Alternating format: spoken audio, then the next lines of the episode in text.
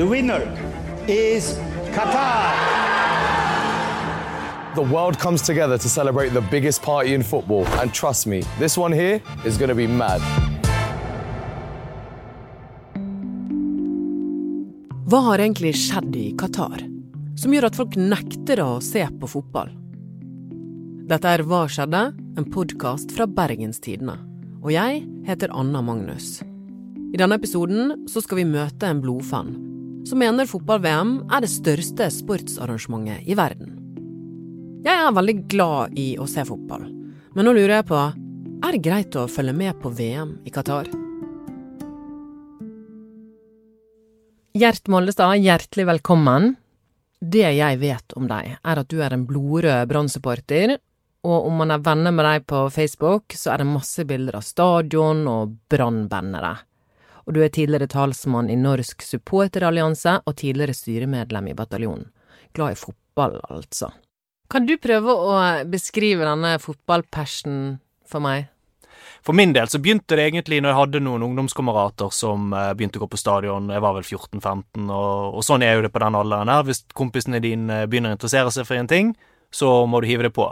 De begynte også å spise tortillachips og drikke cola, så da gjorde det også. Og da var det liksom å dra til byen, da, sant? ta bussen inn til byen og komme seg opp på stadion. Av og til hadde vi billetter, av og til hadde vi ikke. Noen ganger var det oppe på Gratishaugen.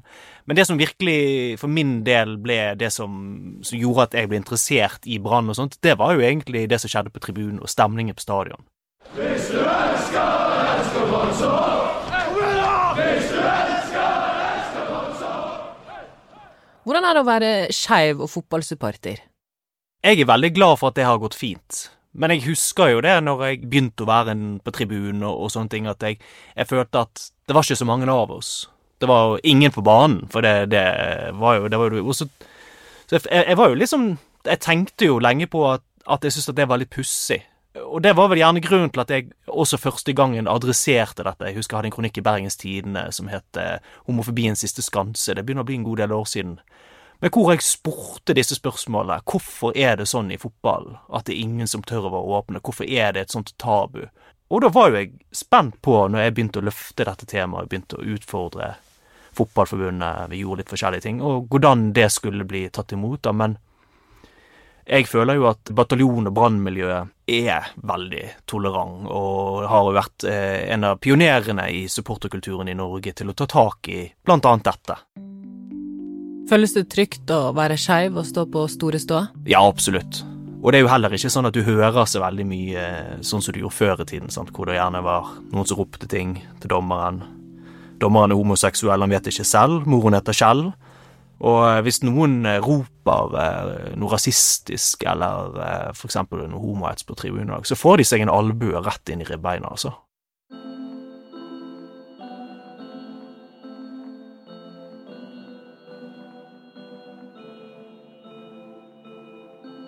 I 2010 så bestemte Fifa at Qatar skulle arrangere fotball-VM. Og Qatar det er et ganske lite land i Midtøsten. Det har ca. 350 000 statsborgere, omtrent like mange som Storbergen. Men Gjert, hva slags fotballand er Qatar? Qatar er jo egentlig ikke et fotballand i det hele tatt. Som du sier, det er et lite land. Rikt land. Mye oljeinntekter. Men eh, de blir jo ikke fordelt rettferdig. Dette er jo et av eh, klodens uh, mest brutale regimer, hvor uh, noen få styrer og eier det meste som skjer i landet. Det å arrangere fotball-VM, det er jo ikke en liten greie. Hva gjorde myndighetene for å forberede seg til dette arrangementet? Jeg tør å påstå at fotball-VM er klodens aller største idrettsarrangement, og det er uten tvil fotballs store godbit. Og de så nok her muligheten til å sikre seg dette som en del av en stor PR-kampanje. På den tiden når man skulle få tildelt VM, da var det 22 menn i Fifa som i lukkede rom tok avgjørelsen om hvem som skulle få mesterskapet. Og det har jo kommet ut at 16 av disse 22 personene har på en eller annen måte blitt dømt for eh, enten fengsel eller bøter, fordi at de har tatt imot eh, bestikkelser. Altså de har vært del av en korrupsjon i forbindelse med den tildelingen. The total bill is coming in at something like $200 billion, making this the most expensive World Cup ever by a long way. Ifølge Amnesty så har Qatar bygget opp en hel by for å kunne være vertskap. Altså, de har bygget syv nye stadioner, og dette er noe helt annet enn stadion vi kjenner her i byen, og en helt ny flyplass. Altså, de har brukt så enormt mange milliarder kroner for å få dette mesterskapet, og, og det er jo her disse rapportene eh, kommer ifra. Fordi når du skal i gang med å bygge alle disse tingene, så er det noen som må gjøre jobben. Og det er klart det sier seg sjøl, når du har 350 000 innbyggere, så eh, må du hente folk utenfra. For de har jo fått ca. to millioner gjestearbeidere, hovedsakelig fra Asia og Afrika, hvor de arbeider i Qatar da for å bygge opp dette VM-et med alt det innebærer. Og du har jo satt deg veldig godt inn i dette her, Gjert. Kan du beskrive arbeidsforholdene til disse gjestearbeiderne? Ja, altså det har jo kommet rapporter eh, lenge om hvilke forhold de jobber under. Altså vi, vi, snakker jo om et land i Midtøsten hvor det er en ekstrem varme. Gjerne over 40 varmegrader, kan bli 50. De har jobbet lange arbeidsdager. Det er ikke noe 37,5 times uke her. Her snakker vi 12-14-15 timer for dagen i denne ekstreme varmen. De bor kummerlig. de de har vært eh, langt hjemme fra hjemmet sitt, og, og målet deres var jo selvfølgelig å få lov å, å, reise til et land, tjene penger, sånn at de kunne hjelpe familien sin. Det er jo en, en episode som er blitt trukket frem, at en mann han eh, hadde mange døtre, og for å få de gift, så måtte han betale ganske stor sånn medgift, altså sånn en sum for å, for å få gifte bort døtrene sine. Reiste til Qatar for å jobbe. Han fikk ikke penger, fikk ingenting, og øh, han døde. Den engelske avisen The Guardian har skrevet at over 6500 gjestearbeidere har dødd i landet siden Qatar ble tildelt fotball-VM. Myndighetene de sier at det kun dreier seg om noen hundre. Hvem skal vi tro på? For min del så tenker jeg at det er jo vanskelig å tro på et land som eh, aktivt motarbeider ytringsfrihet, pressefrihet, som lyger eh, og blir tatt i det. Å tro på myndighetene, det, det synes jeg blir eh, ekstremt naivt. Og de tallene på 6005, mange mener jo, eller i mange, det har jo også kommet rapporter som tilsier at det kan være mye større tall. Disse menneskene eh, har enten mistet livene sine eller vært på slavekontrakter, ikke fått betalt osv. for å bygge landet til dette VM, til dette mesterskapet. Mm. Så det ligger jo nesten bokstavelig talt lik under gresset der de skal spille VM.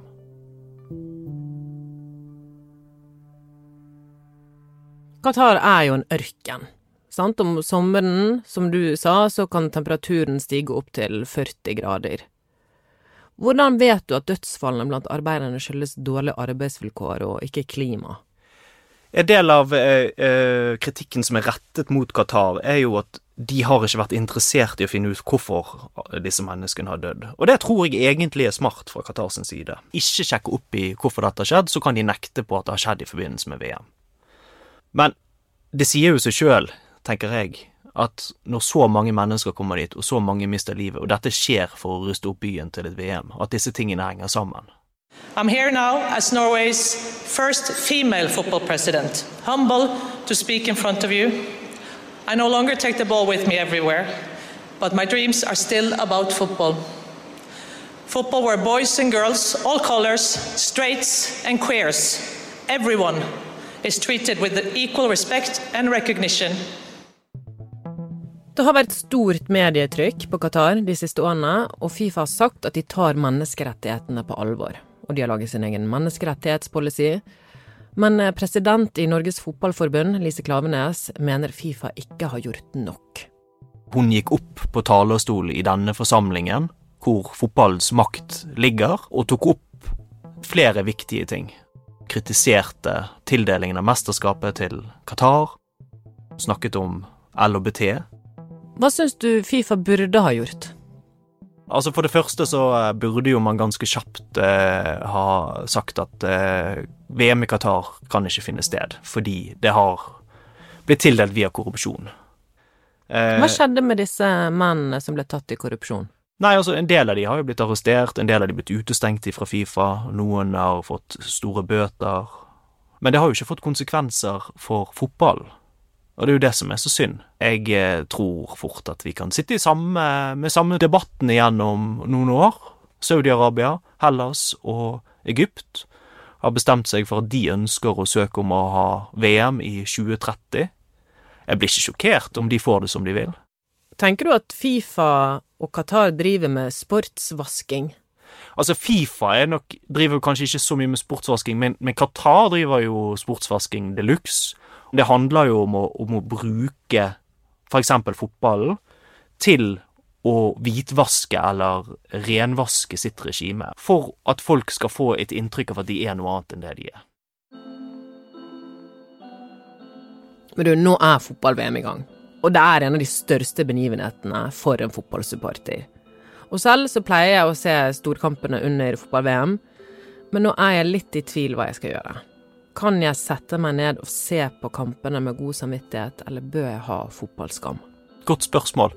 Personlig så eh, bestemte jeg meg ganske tidlig for at jeg kommer ikke til å se på, på, VM.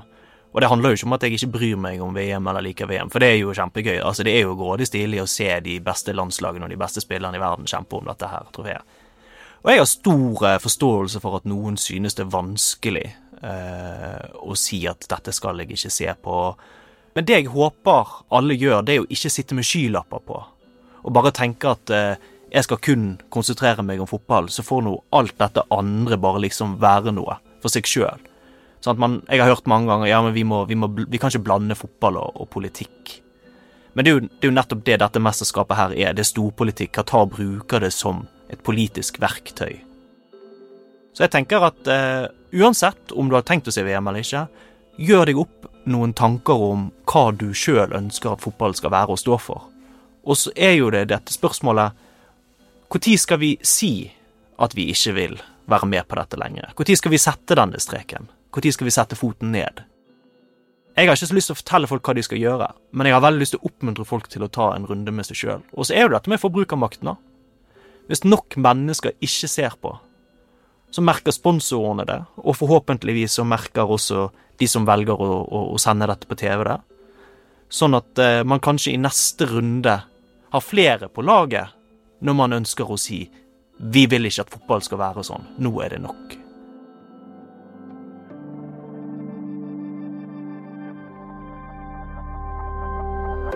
Denne episoden er laget av Anna Offstad, Tonje Aursland og Anna Magnus. Og så har du hørt klipp fra VG, Fifa og Al Jazeera. Takk for at du hørte på.